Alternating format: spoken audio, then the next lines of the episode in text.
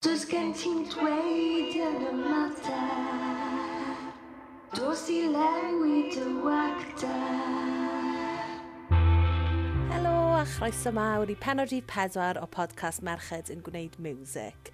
Nawr os chi heb rando ar y tri penod cyntaf, wel lle chi wedi bod, mae modd mynd nôl i rando ar y tri penod yna trwy am Spotify neu Apple. Ond yn y bered yma, fi'n cael eistedd lawr gyda Bethan ac Angharad o'r band Calan. A nes i rili really fwynhau'r sgwrs yma, jyst cyfle i hel hanesion a clywed storiau rili really difyr a diddorol a i profiadau nhw o gigio ar draws y byd i gyd gyda'i band nhw. Felly, steddwch nôl a fi wir yn gobeithio newch chi fwynhau'r sgwrs yma. A jyst rhywbeth bach cyn i ni ddechrau, falle bydd na ddefnydd o iaith gref yn ystod y podcast yma. Os nag yw hwnna'n thing chi, wel, well chi switch off nawr.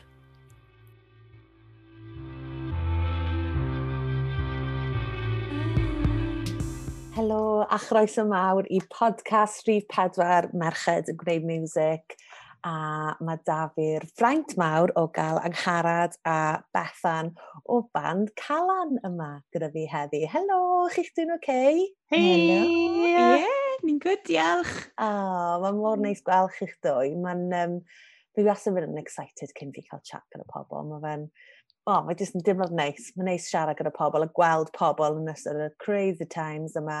Oh, yeah. Chi'ch dwy wedi bod yn oce? Okay? Ie. Pwy ti'n mynd i fynd gyntaf? Beth, sut wyt ti wedi bod? Ti'n oce? Okay? Ie, yeah, ni wedi bod yn ffain fan hyn. Um, o'n ni o ran Calan, fi'n meddwl fi oedd yr un really lwcus, achos um, dwi'n byw gyda Sam sy'n chwarae mm. gitar yn Calan. So ni, da, ni wedi gallu cario ymlaen, creu music a creu fideos. Mae Sam yn whiz ar fel y pethau technogol, a, a te sa hyd dwi'n gallu gweud e.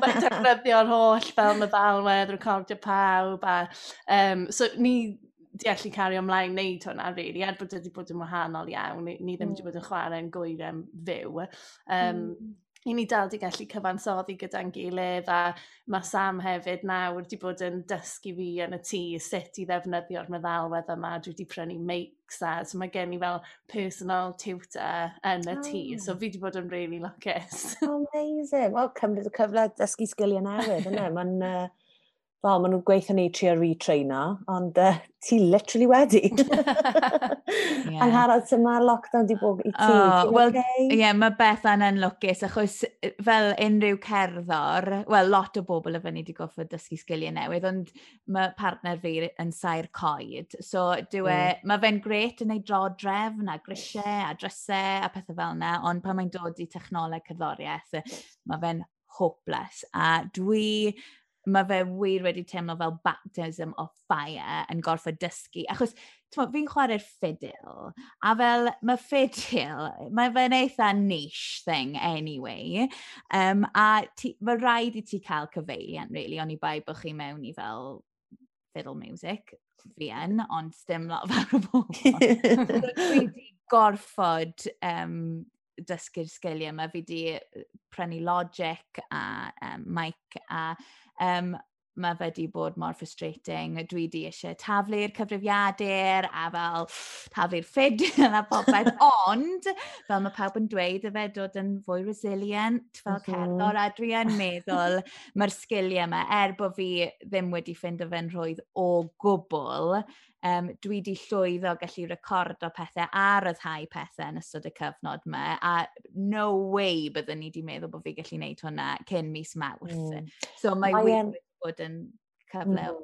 i ddysgu. Mae e'n incredible yn dywe be mae pobl yn gallu wneud, be mae be mae, o dan straen ac o dan amgylchiadau gwahanol, be ni'n capable o fel human beings. Mae fe'n pretty oh. impressive yn dywe. O, ydy. Ie. Ie. Da iawn pawb. Ie. Da iawn pawb.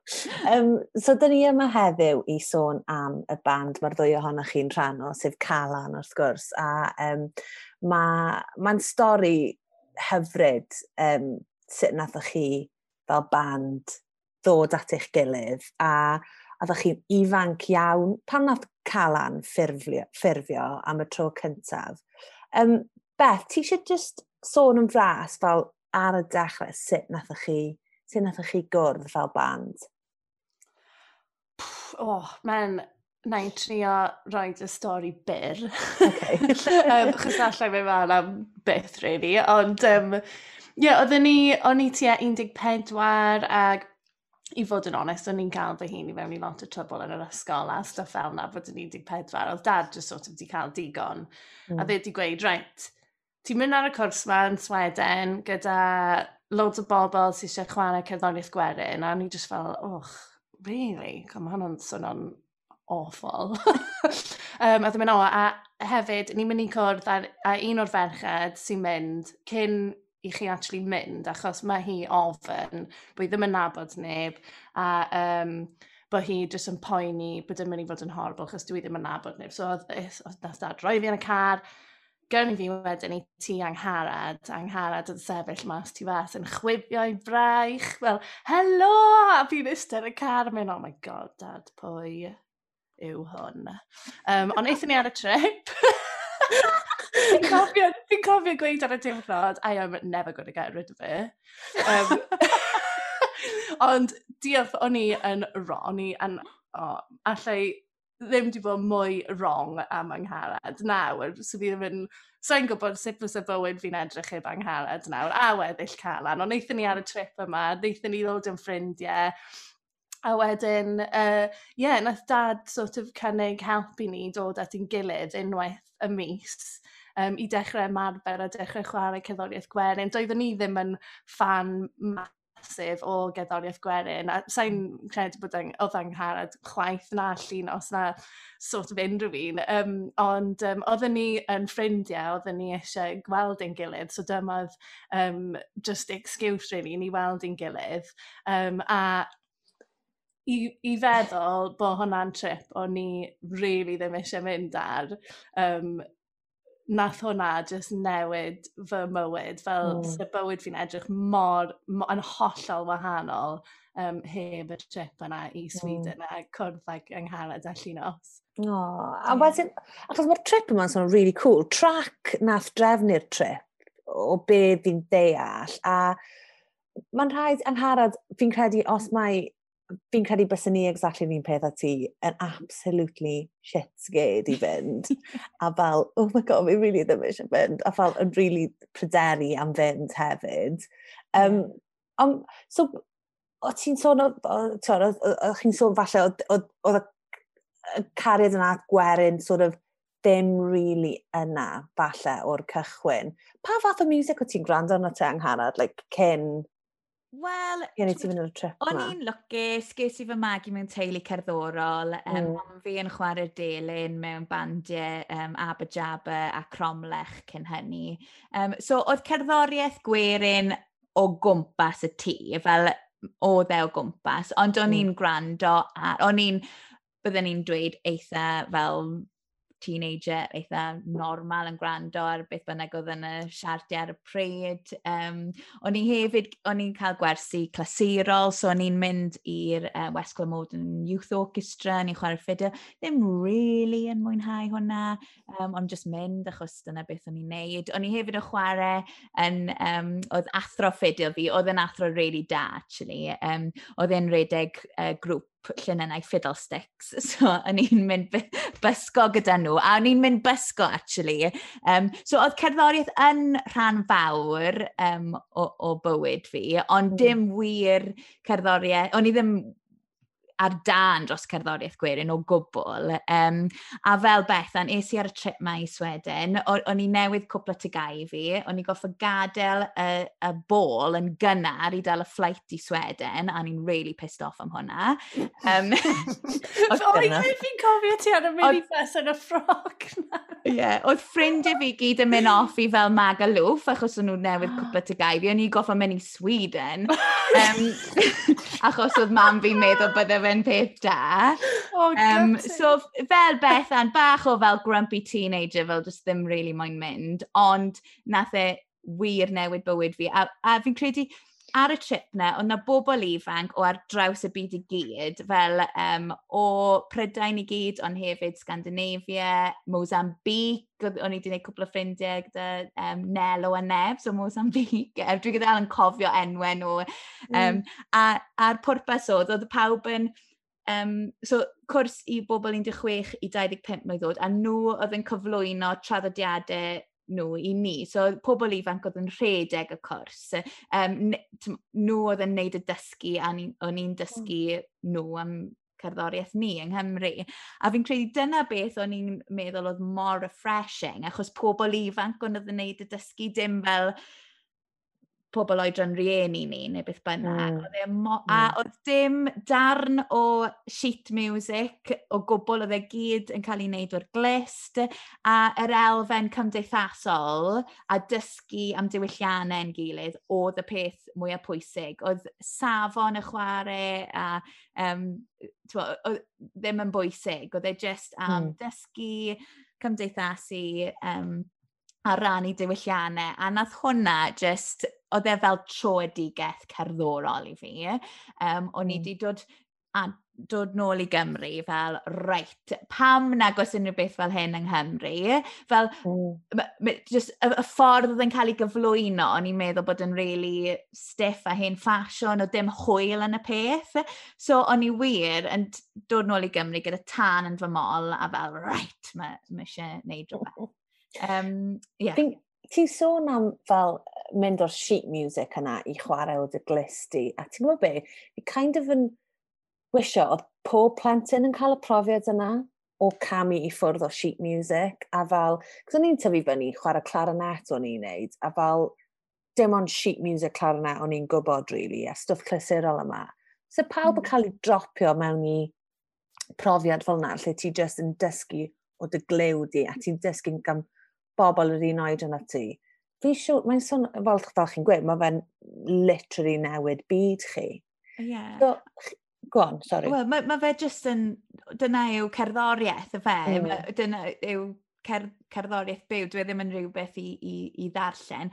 A mae'r sgiliau yna, dyna beth mae bobl yn neud mewn bandiau rock a pop, ti'n modd, jyst cael jam y fe, dyna, mm. a jyst ddim poeni am unrhyw reole, just, just cydware, a, a, a sy'n ots pa genre i chi mewn, mae'r um, i, e, i gallu cael y rhyddid na i gydware gyda pobl chi ddim yn nabod a dim ots os chi ddim hyd yn oed yn deall yr un iaith chi gallu creu gyda'ch gilydd a dim ots pa offeryn yw e, mae jyst gallu cael y rhyddid i wneud hwnna mor... Wel, oedd e jyst mor refreshing. Mm, mm. A wedyn, so da chi gyn dod nôl o Sweden, so oeddech chi yn... So oedd dy dad i Bethan oedd yn mynd â chi bob mis efe i... Oeddech chi'n cwrdd gyda'ch gilydd bob mis neu be, be, be oedd y drefn wedyn unwaith oeddech chi'n ôl yng Nghymru? Wel, nath e cymryd ti a flwyddyn, falle ni actually ffurfio band. Um, mm. Nethon ni aros yn ffrindiau, nethon ni...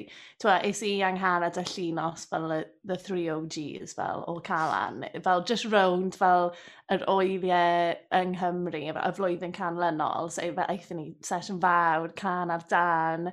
Um, a nethon ni just cael load o hwyl, a wedyn o fyna, um, nethon ni cwrdd â Patrick, a Chris, ein gitarydd um, cynta, hmm. yn mm. oel can ar dan, pan oedden ni, oedd y tair ohono ni just yma sort of on a jolly. mm. um, a di cwrdd ar uh, bechgyn yna, a wedyn ar ôl i ni fy adre, dyma dad wedyn yn dechrau, dyma, dechrau ffonio rownd, Tyma, hoffe Patrick bod yn band a hoffe Cryn, oedd rhaid i ni chac y Chris i lawr. Um, a ie, yeah, a wnaethon ni just dechrau cwrdd lan unwaith bob mis yn um, tŷ ffrind uh, fy nhad, sef Andy McLaughlin, ac oedd e'n byw yn agos i Bethesda. Um, so oedd pawb jyst yn mynd, oedd tŷ digon o le i bawb yna, so eithon ni just unwaith y mis am y penwythnos i gwrdd yn uh, Bethesda gyda'n gilydd jyst i ymarfer, i ddechrau just dod i nabod ein gilydd a gweld sut oedden ni'n mynd i weithio, sut oedden ni'n mynd i roi yr alawon yma at ei gilydd. Oedd wedi, tymod, oedden ni fel, tymod, fel o'n i'n gweud, fel, o'n i fel 17 mm. oedd yng Nghad yn 19 falle ar y pryd a bod, oedden ni'n cael dod i nabod yn gilydd hefyd a oedden ni'n mynd mas i Bethesda ar y nos sadwrn fel unwaith bob mis a, um, so oedd e, e jyst bach o hwyl ond hefyd dod i nabod ein gilydd a a fi'n meddwl, chos bod ni wedi dechrau mor...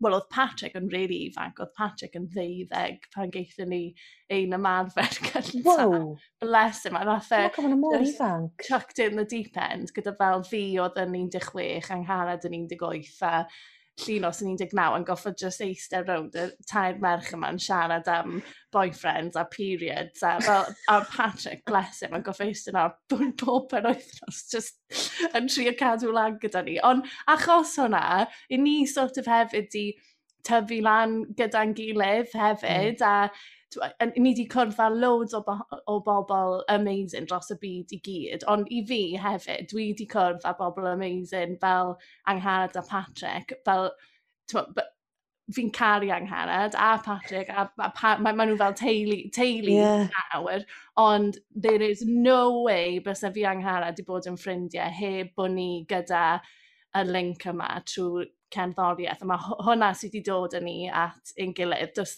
does, i ni mor wahanol. Fel mae'r ffaith bod mo, fi ang anghyngharad mor agos, jyst yn nuts, chos ni mor, mor wahanol. Ond y cerddoriaeth sydd wedi dod yn ni at ein gilydd a di cadw ni'n stuck ers y dechrau. mm, mm. So, mae ma na, I mean, mae just, os ti'n meddwl amdano fe, bod chi basically'n blant yn dechrau'r band yma, yn dechrau'r prosiect yma, a bod chi nawr yn neud e, yn llawn amser, fel gyrfaoedd, wedi adeiladu gyrfaoedd anhygoel yn amgylch, tywad, yn, yn stemio off y band yma hefyd.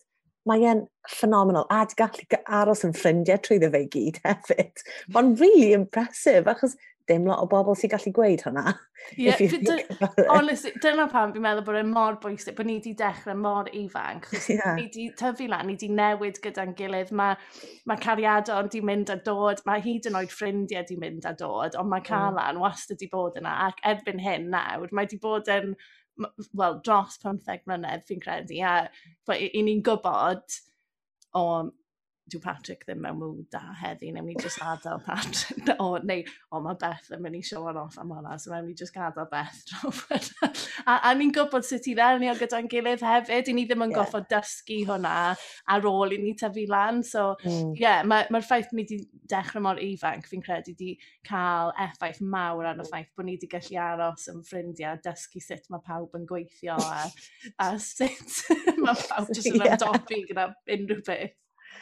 Um, so, ar ddechrau gyrfa Calan, yn amlwg gwerin oedd yr y cwrs yma nath chi wneud mas yn Sweden, a oedd e, achos pan fi'n meddwl am Calan, fi'n fi meddwl am Gwerin, ond mae e'n fwy heightened, mae fe'n fwy elevated, mae e'n fodern, mae e'n hwyl a mae fe'n mae e'n calan kind of gwerin, mae fe'n rhyw genre yn ei hunan fi'n gweld eich cerddoriaeth chi, achos mae'n mor wahanol i gwerin traddodiadol bysach chi'n clywed yng Nghymru.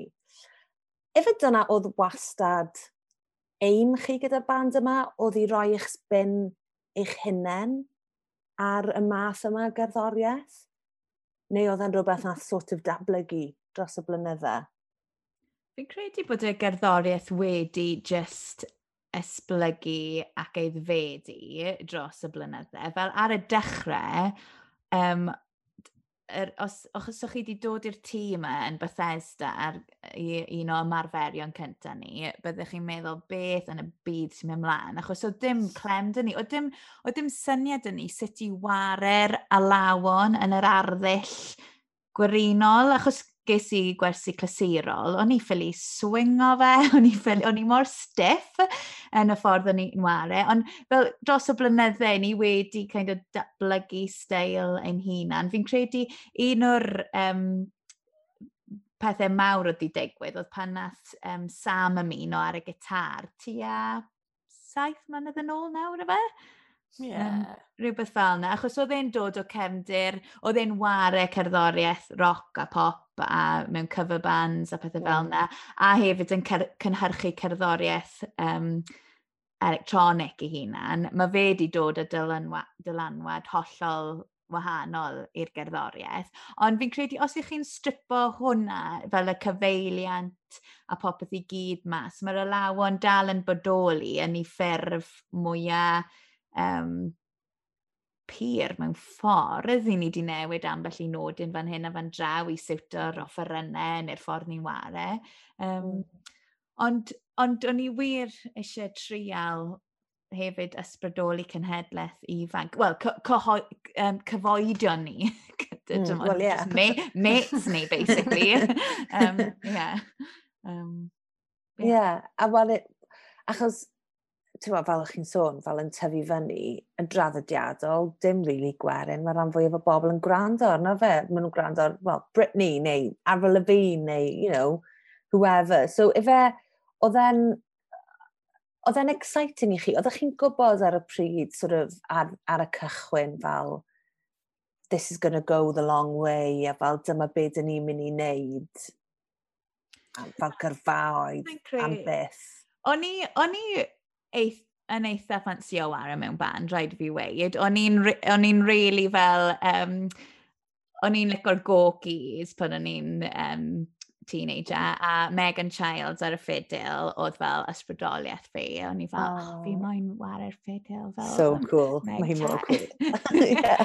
um, a twa, dwi wedi wario mewn band i eraill pan o'n i'n y brifysgol, o'n i'n wario e, mewn band mwy sort of poppy, I suppose. Um, a mae ma Cana jyst i bod yn un, un o'r pethau oedd yn, e, yn rhan o popeth arall, y Fe, fe, fel cerddor, chi ddim really yn rhoi o ie chi gyd mewn yr un basged. Ond dwi yn syni, actually, bod y e dal i, i ni dal, dal i fy mlaen, really. Um, yeah, just... Ti'n gweud bod ti'n syni bod, bod y dal i fy mlaen? Beth pa mor hir nath y gymryd i chi fel adeiladu? Achos ma, os chi'n edrych ar hanes gigio chi, chi literally chwarae rowd y byd, chi wedi bod ar sawl taith, chi wedi gwneud gymaint festivals. A mae lot o'ch cynulleidfa chi yn bodoli tu allan i Gymru. Pa mor hir nath y gymryd i chi sort of adeiladu ar y gynulleidfa yna? Sort of, ti'n modd, cael nhw mewn, cael y fans mewn, a sort of, sut, Sut nath hwnna i gyd dod at ei gilydd? Um, fi'n credu, fel band, oedd, oedd Calan bach yn wahanol falle i fandiau ennill, achos oedd gymaint, gymaint o...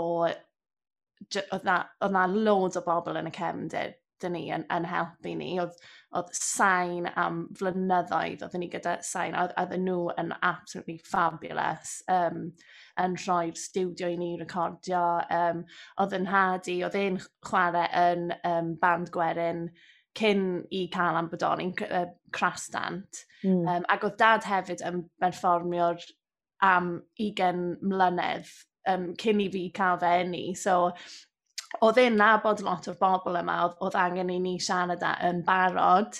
Um, so, fi'n oedden ni gyd i gweithio'n galed, gweithio ni gyd yn galed, um, mm. yn enwedig ar sut i ni'n perfformio pan ni ar y llwyfan a, a dysgu sut i chwarae yn y steil yma um, gan bod ni wedi bod mor ifanc yn dechrau, ond um, oedd, nath e cymryd lot o amser i fi really teimlo fel beth yw fel y geiriau cywir, just fel bod, bod Calan fel yn gallu sefyll ar ben ei hun. Fel yeah. dyma ni yn awr, a we know what we're doing, ni'n gwybod ble ni eisiau mynd. A fi'n credu, i ni wedi bod yn adeiladu hwn ers, tyma, o'n i'n 15 blwydd oed, so mm. a fi'n 31 nawr.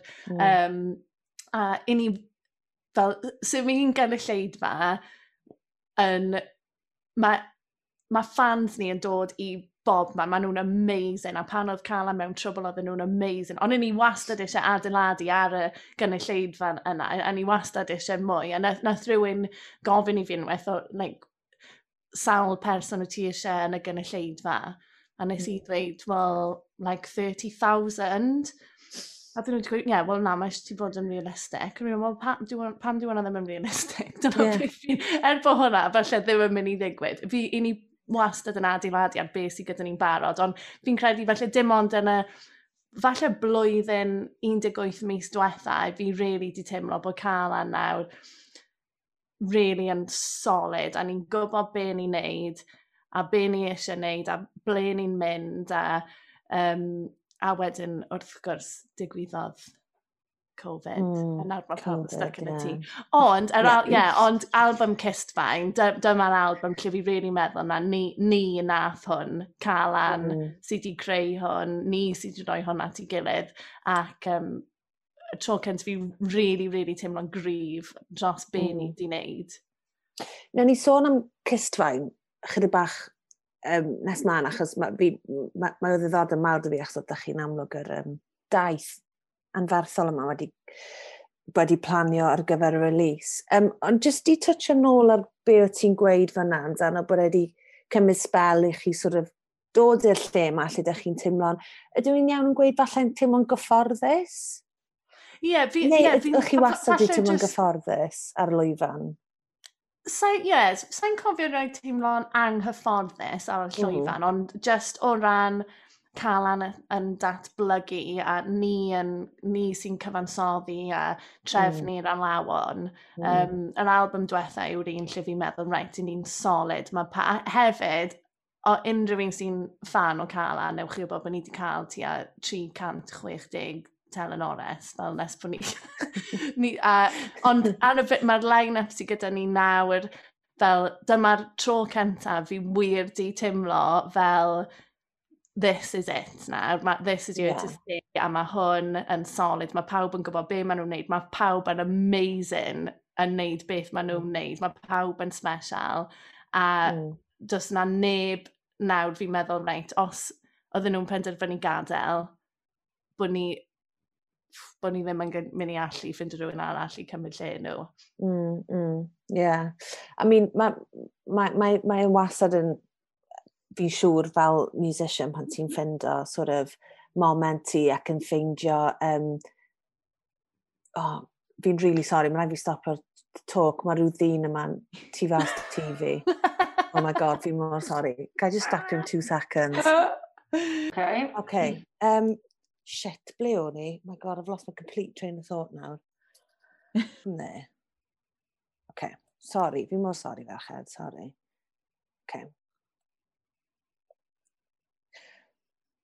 So yn amlwg mae Covid di dod nawr a wedi stopio popeth. Mae'r music industry wedi basically dod i stop, ond i bai am yn amlwg gweithio gatre fel dych chi'ch dwy wedi bod yn neud. Um, ond pan oeddech chi yn eich heidau o gigio a teithio a ma, mynd o gwmpas y byd gyda'r band a stuff, yn amlwg, y cwestiwn amlwg yw, ydych chi'n colli fe i ddechrau gyda? A be ydych chi'n colli am y sioe byw yna? Oh, Wel, dwi yn colli fe. Mae ma sefyllfa fi bach yn wahanol nawr, achos fi newydd cael babi, so mae pethau oh. wedi ah. mynd bach fwy gymleth gyda'r teithio. um, right. so, um, ond dwi yn gweld eisiau, achos, ti'n nes i, nes i gyda Calan, oedd e fel free ticket to travel the world. Mae dyna beth oedd fel, oedd un o'r resymau pan o'n i moyn neud hwn oedd just basically i deithio am ddim a cael fy nhalu. So dwi wir yn gweld mm. eisiau gallu mynd i, i rai lefyd. Mae un o'r uchaf bwyntiau fi'n credu fi oedd fel um, uh, Malaysian Rainforest Festival a um, just amazing lle anhygoel i ware. Um, fi'n gwybod oedd Beth fod ware yna le ni, fi'n credu gyda no good boy o na gwyd Oh yeah! Oh god, dwi'n ofio pob dim yn barod. Yeah. Ah, o'n i'n edrych yn, yn uh, dress pan wedys di yna, jyst chos yr un tro es i, um, ges i food poisoning, o'n i mor sal. O'n i just oh. ffili, o'n i just ffili mwynhau'r gig o gwbl, fel o'n i yn llwyd. Oedd e'n horrend, fi rioed bod mor sal yn fy mywyd. A dyma, dyma fel mae Calan yn gweithio, ni mor fel teulu nawr, dath angharad i stafell wely fi, a jyst rhoi braich chi, rownd fi yn y gwely, a fi'n crio mewn, i, basically mewn i fron angharad. fi mor sal, I'm so sick, I'm sorry. Yeah, a hwn oedd y noson olaf, parti enfawr i'r holl oh. artistiaid, a pawb oedd yn involved yn yr oil. Um, pawb yn mynd nofio yn y môr, a fel, oh. a o'n i wedi mynd i edrych ar rhywbeth. So, ie. Yeah, Ti'n ffrinda angharad. Oh, ffrinda iawn, achos y gorau. really moyn bod yn y party. um, ond, ti'n mo, ma, so mae pethau fel na, fel gwyliau fel na dwi wir yn gweld eisiau. Mae mm. ma hmm. rai elfen o teithio dwi ddim yn gweld eisiau gwbl. Fel mm. mae teithio America yn gwaith caled i, i ni'n gyrru rhwng 7 a 13 awr y dydd i cyrraedd, wel falle 5 a 13 awr y dydd i cyrraedd gig. So, um, a wedyn goffa wneud sound check, perfformio, a, just, a wedyn cysgu mewn ar sofa rhywun random, neu um, weithiau ni'n cael gwely, um, ond weithiau mae'r sheets yn mengen, a just, dwi ddim yn gweld eisiau fel gorfod just aros mewn tai pobl, um, hmm. a just goffa wneud fel chit-chat a um, y teithio oriau, oriau, a bita, sothach ar yr hewl mewn service stations. Mae elfennau fel yna, dwi wir, fi'n teimlo fi'n mynd yn rhy hen i stwff fel yna nawr. um, a ni arfer cael lot o fel ulcers yn teithio, um, a ni'n teimlo, o'n hmm, i just, yeah. Dwi, mm, achos fi'n credu o ran fel outsider, ti'n clywed am teithio, fel musicians yn teithio, ti'n meddwl, oh my god, living the dream. Ond mae yna ochr tywyll i teithio hefyd, lle mae gallu effeithio ar dy iechyd meddwl di, mae e gallu tod, rŵtín ti a pob dim fel yna. So, I, allai ddechmygu bod e'n, ydy e'n di bod yn neis, falle cael break? I fi, dwi, mae'r amser i wedi bod yn eitha, os oedd mynd i fod pandemig byd eang, hwn i fi yn bersonol byddai'r amser core achos fydda fi babi bach. So dwi wedi gallu treulio no. lot fwy o amser gyda hi na byddwn ni wedi fel arfer. Yeah. Neu y cynllun greiddiol ym mis ebryll pan o'n i'n rhyddhau cystfain oedd wneud taith o Brydain gyda hi. A oedd hi ffili bita bwyd, o'n i just yn dechrau wino, a mae mm. bita bwyd iach ar yr hewl yn amhosib i oedolion ta beth. So o'n i'n really eitha stressed am sut byddwn ni'n cael bwyd fresh i hi, a ni wedi gwneud loads ymchwil fel peanut butter a bananas, so fi jyst mynd i fyw am, am fus. Um, ond digwyddodd e ddim. So, um, mewn ffordd, oedd yr amser i os oedd, os oedd rhaid i ni cael pandemig, a dwi ddim, mm. really, fi really ddim yn um, dweud bod hwnna'n syniad da, ond e, yn bersonol fi'n credu mae wedi canitai fi mm. treulio bach fwy amser gyda babi, ond mm. um, fi edrych ma'n i deithio, ond byddwn ni eisiau gadael hi adre fi'n credu, achos teithio gyda mm. un bach, fi'n siŵr, mae'n mynd i... Wel, dwi ddim, dwi ddim, dwi wedi cael blas bach o fe, oedd e'n eitha anodd. Yeah, fair enough fair enough. Beth, beth am ti? Be yw'r be yw, beth yw'r beth yw'r peth ti'n colli mwy am deithio ac am y, y sioe byw? Um, mae oh, mae, mae gymaint o bethau. Mae, mae, sa'n credu, o'n i bai bod chi'n mynd ar daith gyda band, mae'n anodd ddisgrifio fel sut mm. mae'n gweithio. A y peth fi'n really ddim yn colli yw yr hedfan. Um, yn ein blwyddyn mwyaf prysur, sef y flwyddyn eithon ni i Malaysia, eithon ni hefyd i Australia a Ffrainc ar ei dal neu rhywbeth. Denmark. A, a Denmark, a, gyd, gyd, a fi'n cofio, mel, oedden ni'n barod i wneud tua deg fflaint um, erbyn ni fynd a dod adref y connecting flight, a fi'n cofio edrych ar dyddiadur fi a troi yng Nghymru. Mae'n o, only 23 more flights to go. a wedyn ni di oh gorffen am y flwyddyn, neu beth bynnag. A, so, a so fi really ddim yn colli'r hedfan. Um, ond ond fi'n fi, colli pob dim arall, really. Mae, mae teithio mor anodd a um, yn enwedig fi'n siŵr mae unrhyw un sy'n byw yn yr un tŷ a ffrindiau nhw, weithiau chi dal yn cael digon, mae angen i chi fynd mas, ac fi'n mynd mas, i'r ôl dwi'n mynd edyn, fi'n mynd. Mm -hmm. um, ond chi ffili wneud hwnna, i chi'n stac yn y car, am oriau ac oriau ac oriau. Um, a mae'n gallu bod yn rili really anodd a gofod dal yn ôl a just aros yn dawel pan mae rhywun yn, mae anadlu rhywun yn piso ti off. Like, ma, a mae rhaid ti just really trio fod yn dawel a just peidio gweud yn rhywbeth. Ond hefyd, i ni chwarae fel gemau stupid yn y car a pan ni'n mynd i oiliau, ni'n ni chwarae gem pan ni'n cyrraedd yr oil, fel if you spot this, you get five points, os ti'n cael hwn. A, a fi'n fi, colli hwnna, fi'n colli performio, ond fi hefyd yn mm. colli just yr eistedd rownd fel yn rhyw oil random sy'n falle'n crap a just, a just neud hwyl i'n hun, fel a just mm. yfed a cerdded rownd yn cymryd y mic mas o un hun a pawb arall. Fi'n fi, colli. mm, mm. Chi'n sôn am y gwyliau yma, um, da chi chwarae ynddo, a fel, ti'n ma'n, rhan gwyliau yn gyffredinol yn amlwg gyda menywod, mae yna brinder menywod, um, a'r line-ups yn gyffredinol, ond hefyd wrth gwrs yn y headline slots yma. Sut ydych chi'n gweld y, o rhan yn, um, yn y byd gwerin a sort of yn y gwyliau ydych chi'n mynd i? Ydy yr un peth yna? Achos o ran rhywun on the outside sort of looking in, bys ti, bys ni siwr o fod yn meddwl bod na loads o fenywod yn y byd gwerin, ond ydw i'n iawn i weid falle bod y balance ddim Fi, yn mae, greu. Mae hi'n industry really, really masculine yn mm. hyd yn oed yna yn y sîn werin. A fi'n fi cofio pan ddechreuodd Calan, oedd pawb yn teimlo bod hi'n really bwysig bod yna tair merch a bod yna fwy o ferched nag oedd yna bechgyn yn Calan mm. achos mm. oedd hwnna. A mae'n drist, ond oedden nhw eisiau gwneud hwnna achos bod e'n mynd i fod mor wahanol, bod na mwy o ferched na dynion yn y band, a bod hwnna fel, wow, there's three girls in that band, not one. yeah, o fi, yeah. As in, allai, as in, fi'n fi deall pan mae pobl yn neud e, achos mae e, fel ti'n gwybod, mae e'n wahanol. Mae e'n drist, ddo, yn diwedd, bod, bod rhaid i bobl wneud y subconscious fel, bod rhaid nhw wneud y penderfyniad na fel, oce, okay, fi'n mynd i roi merched yn hwn, we might get more bookings, neu falle nhw'n i gael mwy o gigs, a ti jyst na fel, oh my god, mae hwn mor twisted. Yeah. yeah. Chi wedi gweld bod e'n gwella?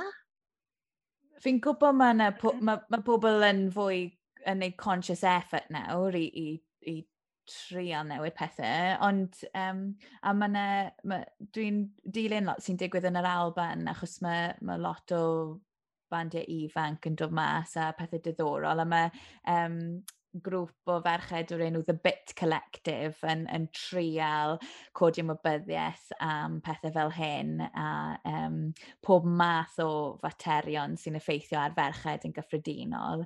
Ond mae dal yn yeah, lot fwy o, o ddynion yn, yn ware, um, yn trefnu. Uh, fi'n gwybod mae un o'r mae yna band yn yr Alban yr enw The She, um, band o ferched, um, a geithon nhw un tro nhw moyn ware mewn rhyw oil a wedodd y trefnydd, o sori, mae dyn ni un band o ferched yn barod, dim eisiau dau fand o, o ferched. Bydde, bydde dynion byth yn cael hwnna, bydde nhw, yeah, fel, yeah. hwnna'n just...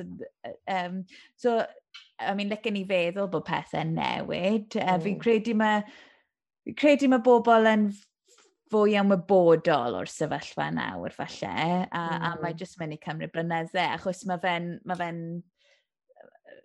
traddodiad y fe sydd angen newid, mae fe'n ma angen trio cael mwy, mae'n mae mynd i cymryd blynydde i cael mwy o bobl mewn i'r scene, really. Um, mm, mm. Fi'n cofio rhywun yn gweud wrth fi unwaith mewn gwyl pan o'n i'n DJ o, a ddim enwyr gwyl. A nath rhywun, nath technician dweitha fi yn dweud, well, that was a great tick in the box. Pam nes i droi fyny i DJ o. Oh. Fel, oh, oh. wow. oh my word. A ti'n, a mae'n, mae'n, en really gallu effeithio dy... Am gweddill dynod wedyn, that was it. I was, oedd just confidence fi di'n yn shattered am gweddill y diwrnod, a fel ti yeah. just fel, oedd rhaid i ti weid hwnna i fi nawr? Falle bo fi'n tick in the box. Pa dweud wrtho fi bo yeah. fi'n tick in the box? Yeah. Ond angen clywed hwnna. Ti'n gweld? Yeah. Fel, ma, oh fi'n meddwl mae fe'n amazing gweld bandiau a be dych chi'n neud, fi'n credu, ar lwyfannau masif y byd yn siglo'r norm, yn siglo'r fel institution sydd ohoni. Achos mae e ddim yn... Mae'n bodoli fan hyn yng Nghymru, ond mae'n bodoli o gwmpas y byd yn anffodus yn diwy. E? Mae just the music industry ar, ar ei, on a whole.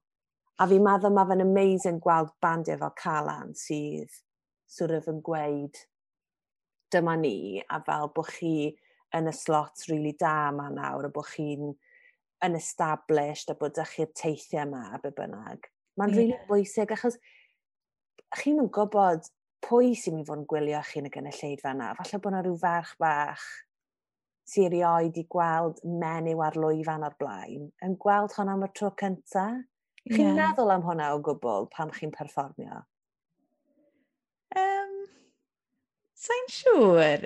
Sa'n... Sa I suppose dwi'n meddwl... Dwi, dwi yn ymwybodol bod ni'n ysbrydoli lot o bobl ifanc. E, fel mae yna um, plant i, a phobl ifanc yn, ti, ti, yn sicr yn, yn dod i weld ni ar ôl. Sa'n sa gwybod... Pan i ni ar, pan i ni ar y llwyfan, fi'n rhy brysur o ti'n cofio beth sy'n dod nesaf. Ond yn rhywbeth arall. Ond, ond, ie. Mae rhaid cael y role models yeah, sy'n yeah. ferched. Fel Megan Childs yn y Gorkies yn chwarae'r ffidil a dim offeryn fel traddodiad fel rock and roll. Mm -hmm. Mewn bad, i fi, o'n i fel, right, dyna be fi moyn neud. Mm. Um, achos oedd hi'n ferch mewn band fel y gogi, fe? Mm. A fi'n credu mae jyst i cael, uh, mae angen y role models yma ar ferched, um, so bod nhw'n gallu gweld, o, oh, mae hwn i fi, ti'n modd? Ie, ie, ie. A mi bydd e'n neis i feddwl um, bod ni yeah, bod yna bobl ifanc falle mynd mewn i hwn achos bod nhw wedi gweld ni. Yeah. Great. Yeah. Mae, mae di digwydd cwpl o weithiau fi gyda cloc sio, mm. bod mam, mam neu rhywun di dod lan, mam rhywun arall, gweud o, you know, nath dy merch i dechrau cloc sio ar ôl gweld Calan. A wedyn ti'n ti gweld nhw yn 'Steddfod hmm. yn cystadlu neu whatever. So mae ma' hwnna'n hyfryd. Mae hwnna'n... Mm. ...mae mae'n teimlad lyflu i feddwl drych yn faint mae hon 'di da, 'di datblygu ers i fi weld i pan o'n i odd i'n fach a nawr ers hmm. gwylio Calan neu beth bynnag mae hi 'di mynd ar ôl hwnna a 'di o gwersi gan rhywun a a mae, mae hwnna'n rhywbeth hmm. neis a mae'n really... ie yeah, mae'n neud ti teimlo'n fuzzy ti fewn i o bod bod ti 'di ti'n wneud i rywun mynd ar ôl i freuddwyd nhw o clocsio ar ôl gweld fi'n clocsio. So, yeah, mae'n mae weird, ond mae'n mae, mae teimlad hyfryd pan ti'n gwybod bod hwnna'n digwydd. Ie, yeah, fi'n siŵr bod e. Um, pan mae pobl yn gweld chi dramor nawr, a mae rhywun yn dod i gig calan, a to, os maen nhw'n gweld chi'n perfformio am y tro cyntaf, ydyn nhw wedi clywed am Gymru ar blaen? Ydyn nhw'n gwybod bod chi o Gymru neu be yw ymateb pobl sort of, i'r cerddoriaeth da chi'n chwarae pan chi dramor? Fel arfer, dyw bobl... Wel, mae'n dibynnu. Os i ni, tymod, yn aml iawn mae rhaid i ni um, dweithio bobl ble mae Cymru. Gareth Bale! Gareth Bale! yeah. A mae pobl fi'n cofio, ti'n cofio yn un o'r gigs neu beth yn America, cwrdd ar ryw fenyw yn y tŷ bach gyda siwmpwr, gyda shamrock, glittery ar ei siwmpwr, fel, oh, my great-great-grandma's from Ennis in Ireland. Yeah. Like, Okay. And that's great. Yeah, I've great. Never, Good I've for I've you. Ireland, but yeah. um, mae literally yn dweud Wales ar talking to you, but cool. Yeah. oh my god, ydyn nhw'n meddwl bod chi o werddon, ydyn nhw? Mae nhw jyst yn meddwl bod mae pob man yr un lle. Ie. Yeah. Ni yn cael yn bwco lot i ware mewn gwyliau gweddelig, um, sy'n eitha rhyfedd, really, I suppose. Ni'n dweud bod ni o Gymru, yeah. um, ond um, ma, fi yn teimlo bod yeah, angen kind of, yeah, addysgu tymau bach weithiau ni, pan ni'n teithio'r mm. teithio'r byd. Um, lot o bobl oh, yeah. ddim yn gwybod bod iaith arbennig dyn ni. Ie, uh, yeah, maen nhw jyst yn meddwl, ie, yeah, mm. neu lloig. Mad yn dweud. Yeah. Mae Llydaw yn eitha dda. Mae Llydaw yn gwybod, ie. Ie. Mae nhw'r un peth a ni, yn dydyn? Ie. Yeah. Ti'n literally teimlo fel ti adre pan ti'n Llydaw. Ie. Ie. Ti wasod neis.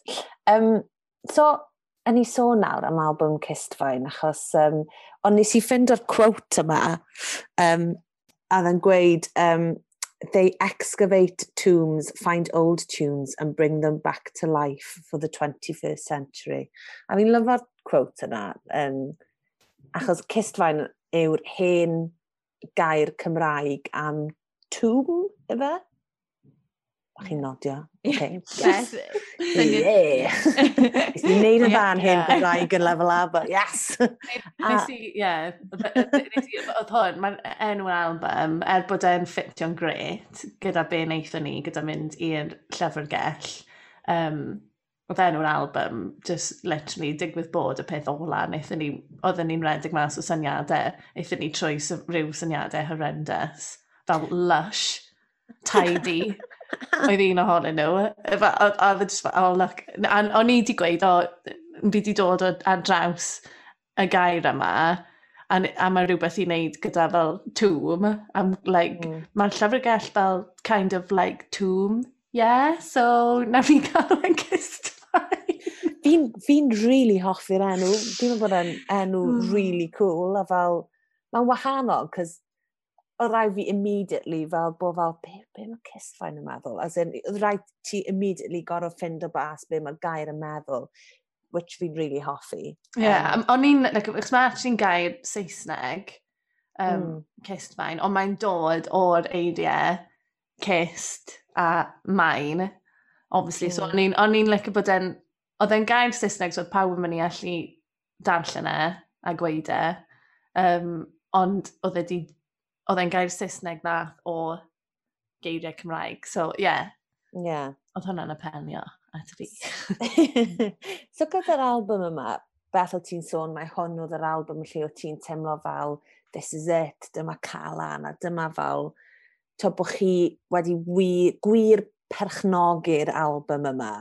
Sut, um, siarad ni drwyddo yr, um, y broses o gyfansoddi um, fel band a fel be, be, be dych chi'n neud, sut, dych chi, sut, sut mae fe gyd yn cael ei sort of creu, really. Mae'n huge question, ond fel, sut ydych chi'n rhoi little sneaky behind the scenes, o sut um, chi'n mynd ati i record album? Mae'n Mae pob album rili'n really, dechrau yn yr un math o ffordd. Um, mm. So wneud rhywun dod â syniad, neu fi'n licio'r alaw yma, licio ni, neu wneud rhywun dod â set o tair alaw um, a ewn ni o fyna wedyn neith, bydd Sam gyda syniad neu bydda gyda syniad o gan fi eisiau gwneud a e.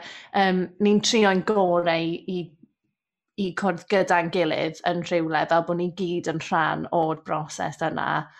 Um, ond weithiau, ti'n meddwl, fydda i wedi goffod cymryd diwrnod o waith yn rhywle, so weithiau fi'n dysgu just bit fi wedyn, ond on, on ni'n trio um, neud yn siŵr bod pawb yn cael eu syniadau nhw ar yr album. Ac be fi'n lyfio nawr yw bod pawb gyda i ni sort of mewn rhyw rhythm. Mae angha angharad yw'r un fi'n gwybod sy'n mynd i sgwennu fel yr alaw, araf, beautiful. Yr un, yr un sy'n mynd i wneud i bawb crio, angharad sy'n mynd i ysgrifennu'r alaw araf yna. Mae'n mynd i fod yn lush fel the slow air. Patrick sy'n mynd i fod fel mam fi, wedodd rhywun mam fi unwaith, a fi'n credu bod e'n wir i fi, you, you specialise in the slow and simple. oh na, the slow and beautiful. slow and beautiful. Slow, na. Dwi, uh, yeah, wedyn mae Pat, ma Patrick yn dod ar ryw chords sy'n piso fi off, sa'n gwybod lle mae'r bata yn am y codes yna. So fi'n goffa dysgu codes Patrick. Ond wedyn weithiau na i ddod ar ryw gan a mae rhaid i pawb, fi sy'n sgwennu'r geiriau fel arfer neu fi sy'n cyfieithu rhywbeth o Saesneg i Gymraeg. So mae pawb gyda jobs nhw. Um, mm. So mae pob album rili'n really dechrau fel fel na, mm. ond mm. um, gyda'r album yma, oedd e, e bach yn wahanol, chos dyma'r album cyntaf ni wedi wneud heb sain. Um, so hmm. heb mm. recordio sain, so doedd dim defnydd o studio sain gyda ni. Felly gath Cistfain yn ei gyfanrwydd recordio yn tŷ bach tot fi yn, yng Nghymran. Um, yn, wir? Yn, y, yn, y, yn y spare room, yn y box room, um, sydd wedi cael ei troi fewn i studio. Un yr un, ti'n ti mor yn gallu ffitio fel doi person yn y stafell mae max, a just un ar y tro yn mynd mewn i wneud darn nhw. Wedyn nath Sam mixo e fe Landstar, gath ei mastro wedyn. So mae'r album yma jyst yn special, yn enwedig i fi falle, chos nath e dechrau a gorffen yn y tŷ yma yng Nghymran. Um, a, yeah, a hefyd gath, um, gaethon ni'r profiad o chwarae gyda um, cerddorfa yn Llydaw ac yn um, Caerdydd blwyddyn yma mm. uh, ar gyfer Dydd Gwyl Dewi a fi fi'n credu oedd cyngerdd Dydd Gwyl Dewi ni felly yn un o'r gigs ola wnaethon ni um, cyn i'r lockdown digwydd ond gath y brofiad yna o chwarae gyda gyda cherddorfa mm. yym gath hwnna effaith masif ar yr album achos ar ôl wneud hwnna wnaethon ni penderfynu bod ni'n mynd i gael y tracks byr byr yma rhwng rai o'r tracks eraill mm. oedd yn sort of arwain chi o i, i fewn i'r un nesaf. Um, a, so, mae jyst profiadau ni dros y falle 18 mis diwetha neu, neu 2 mlynedd diwetha, beth, beth bynnag yw e, ti cael effaith masif ar sut mae'r album ti troi mas, um, achos oedden ni yn y tŷ yma yn cyf cyfansoddi a gath ei gyd recordio fan hyn. Um, so ie, yeah, mae jyst mae gen i fel plac ar y ffrant y tŷ nawr sy'n dweud caban calan ar Yes. oh, I love hwnna. Mae'n mor amazing.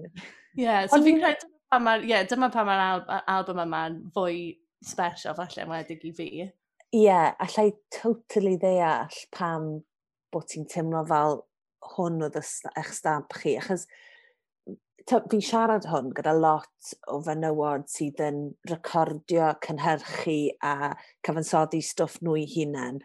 Mae cael y control yna a dy gerddoriaeth di dy hunain heb rhywun yna allanol tu fas y band yn sort of dweithio chi be wneud neu sort of stiro chi rhyw ffordd gwahanol mae'r siŵr bod y control yna a just mae chi sy'n cael creu hwn o'r dechrau'r diwedd just mor lovely a refreshing a cyffroes hefyd i allu mynd â fe sort of all the way. Ie, yeah, dwi ddim, mae un, mae ma dal cwmpa mas just o fewn pimp ohonyn ni.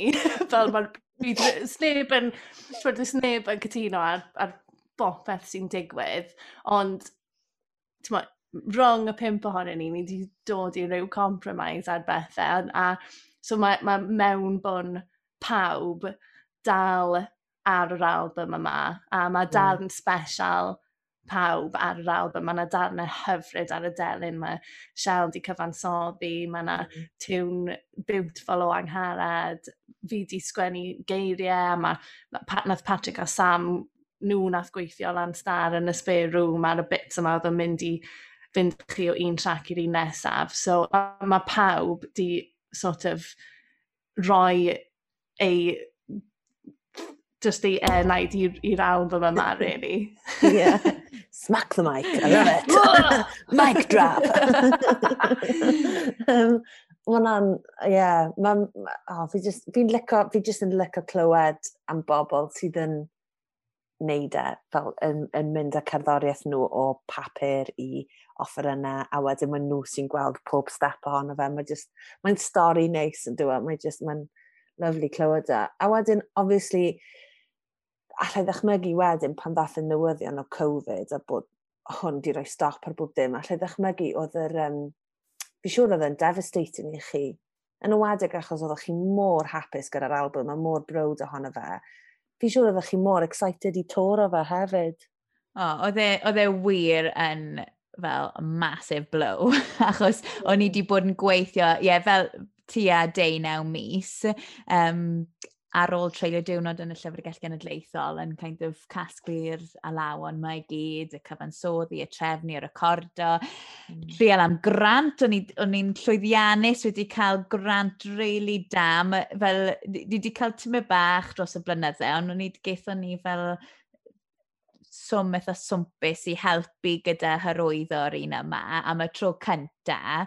Um, a o'n i, oedd popeth yn ei le, um, a ni wir mynd i mynd amdani tro hyn. Um, achos ti, ti, ti, ni, ni trial am grantiau weithiau, ti'n mm. goffod hmm. dweud o ti ar ti'n goffod brwydro am y ffaith a esbonio o pam bod ti ar tipping point uh, pam taw nawr yw'r amser i mm. buddsoddi yn y band. So, o'n i, o'n i di cyrraedd y pwynt no, o'n i, right, right, dyma'r album, a'r daith, a, oedd e, a, y, y diwrnod y ddau, oedd yr ail o ebryll, like, literally, o fewn cwbl o yeah. thnosau i'r clo mawr, so a just chwalodd pob dim.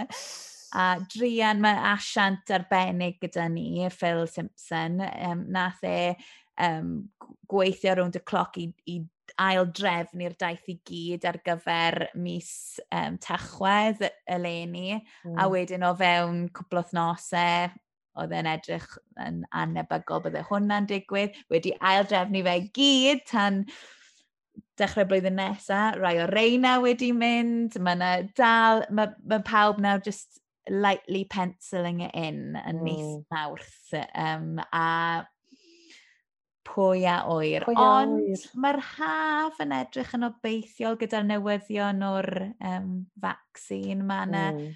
ma hmm. cwpl o gwyliau wedi bod mewn cyswllt i bwcwn o so felly croesi bysedd. Ond, ond mae'n mae teimlo fel bod y momentum wedi mynd mae bach mas o'r album yma. Ond fi'n gobeithio bydd bobl mwy parod nag eriod i ddod mas i gefnogi. Dyna beth dwi'n yeah. gobeithio. As in, just o'r rhan fel fan cer, rhywun sydd yn fan o gerddoriaeth, mae just grand, mae gweld a gwrando ar album yn fyw gymaint So, sy'n byd yn curo fe. Really. So, mae gwrando arno fe'n record yn lyflu, a mae clywed yn fyw just yn elevate fe just rhywle holl o wahanol. As in, a dyna beth sy'n kind of yn cadw gobeith fi fynd ar gyfer gigs a stwff, ar gyfer yr albums yma sydd wedi dod allan a bod na ddim really taith, sori mae ci fi di allan y drws o dod mewn nawr. Fi wedi symud i yn fel hyn a gadw hi mewn. Ond ti'n mo, mae'r ma cerddor, mae di mynd, mae di gadw fi. Ah, Ah, fla brag. Um, so mae, ti'n mo, mae ma clywed yr album yna yn fyw, mae e just, mae e mor special yn dywe, a ti'n mo, bydd pobl, dewn nhw nôl i gigs, a fydden nhw moyn clywed yr album yma eto, a fydden nhw'n barod i glywed e eto hefyd. Ti'n mo, clywed e yn fyw a mwynhau'r profiad yna gyda chi hefyd. Ie, yeah, gobeithio. So, hoping hynawr ar gyfer blwyddyn nesaf. Croes i popeth. Yeah. a beth oedd traed hefyd.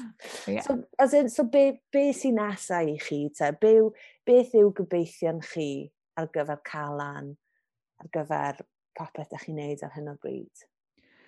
Wel, sma ni di meddwl lot, really, mwy na just trial cael cwpl o gigs i ddigwydd yn y dyddiadur. Mm. A, a, a cael bywyd i'r album yma a'r deunydd yma. Fel, um, i ni wedi chwarae ambell i beth, fel wedodd Bethan gyda'r cerddorfa, um, a oedd hwnna jyst yn anhygoel. Mm. Bydd gen i wneud mwy o pethau fel yna, oedd hwnna'n really neis. Nice. ond, ond o ran, fi'n credu just, ie, yeah, rhoi bywyd i'r gwaith yma, really, yw'r yw, prif nod, a just ymdopi. yn ystod yeah. y cyfnod me. Dwi ni ddim, mm. wir ddim wedi meddwl lot mwy i'r dyfodol, i fod yn onest. Ni'n eitha lwcus o ran pethau'n streamio ar funud. Mae yna doi gig i fewn, lle ni'n mynd i fod yn streamio yn doedd. Mae un, oh, yeah.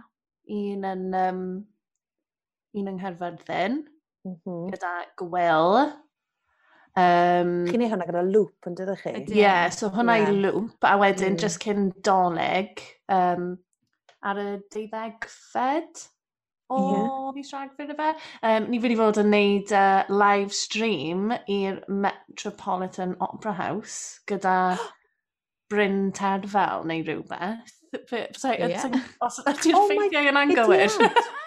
Ie, yn Efrog Newydd, ond dim ond yn America bydd pobl gallu clywed hwnna fi'n credu. Waw! Mm. so. O, dim chi bobl yn Cymru. Mae hwnna'n anhygoel. Mm. Ond fel, ti'n meddwl, oedden ni sôn ar y cychwyn y sgwrs amdano adaptio, amdano newid pethau troi pethau i ben, and I suppose mae'r music industry wedi gorfod wneud hynny blwyddyn yma, a ar hyn o bryd, streaming gigs yw'r ffordd ymlaen ar hyn o bryd. Chi'n yeah. excited i wneud rheina? Chi'n edrych mlaen i wneud nhw? Dwi yn, dwi'n poeni ti'n mynd bach bod bysedd fi di mynd bach yn stiff. Um, achos Ooh. fel wedodd Osian Ellis, y telen, telynor, mae mam fi gyda hwn ar y ffridge, rhaid cadw'r bysedd yn chwym. Mae jyst angen, a dwi ddim di bod yn cadw'r bysedd yn chwym o gwbl. Dwi di bod yn ware, um, a neu bach o ddysgu a pethau, ond jyst mae ma, ma stwff calan yn eitha challenge yn i ware, a maen nhw'n mynd mor gyflym. so dwi'n poeni. Dyna lle mae'r cwmpo mas yn digwydd, ydy e? o, ie. Ie, gyngharad. Mae hwnna, fi'n meddwl mae hwnna'n rhywbeth really diddorol hefyd, yw bod fi angharad yn brwydro a brwydro a brwydro gyda'r bechgyn, just am speed y cerddoriaeth, chys mae'r mae'r bechgyn eisiau fe mynd fel 200 miles an hour, a fi angharad just eisiau fe dod y lawr i fel mm. 180. yeah, mae dynamic eitha diddorol rhwng y bechgyn a'r merched yn y band, actually. Um, Dwi wastad yn meddwl, maen nhw moyn rasio trwyddo fel show-offs y fe, fel mae'n mae just dangos sgiliau nhw, fel, o oh, ie, yeah, fi gallu chwarae hwn yn really gyflym. A fi fel, na, ni'n wario cerddoriaeth fan hyn. Dim, dim, dim ras yw e. dim ras. A dyna lle mae'r cwmpo mas mwyaf yn digwydd. Mae'r e merched, mae merched yn sticio gyda'i gilydd rhan fwy ar amser gyda pwysig iawn. Gyda'r stuff fel yna, dydyn ni. pwysig iawn. A newn ni ystod yn y car yn America, just yn aros, just yn cwlo lawr, yn barod i fynd mewn. Ewch chi, pum munud o flaen ni, ni jyst yn mynd i ystod fan hyn am bum munud. Oh, ta fe, mae wedi bod yn really nice clywed dynamics bands, achos mae pob band mor wahanol, fel dynamics, a sut mae pawb yn fel cydweithio, a falle ddim yn cydweithio a stuff. Mae'n um, ma really nice cael sort of input bach mewn i, mewn i fel chi'n gweithio. Um, diolch o galon i'r ddwy ohonoch chi am gael sgwrs gyda fi heddi. Fi'n meddwl bod e'n bwysig bod um, bod pobl yn clywed eich han, tywed, amdano be dych, be dych chi'n neud a'r storiau sy'n nghlwm gyda be dych chi'n neud, achos mae, mae e'n hynod o ddiddorol, a chi'n bulldozio trwy'r sîn yma, which fi'n obsessed gyda, fi'n meddwl bod e'n amazing be chi'n neud a'r gwaith chi'n neud, a fel hir oes calan I say, a just diolch am gael chat gyda fi heddi, fi wedi rili really mwynhau gwrando arnoch chi. Wel, diolch am y cyfle. Oh, yeah. i fod yn rhan o'r thing mae sbi me. cam, cam diddorol pwysig mlaen. Yeah, yeah absolutely. diolch yn fawr iawn. A oh. gobeithio, nawr ni weld chi'n fian. Ie, yeah, diolch. Yeah, diolch.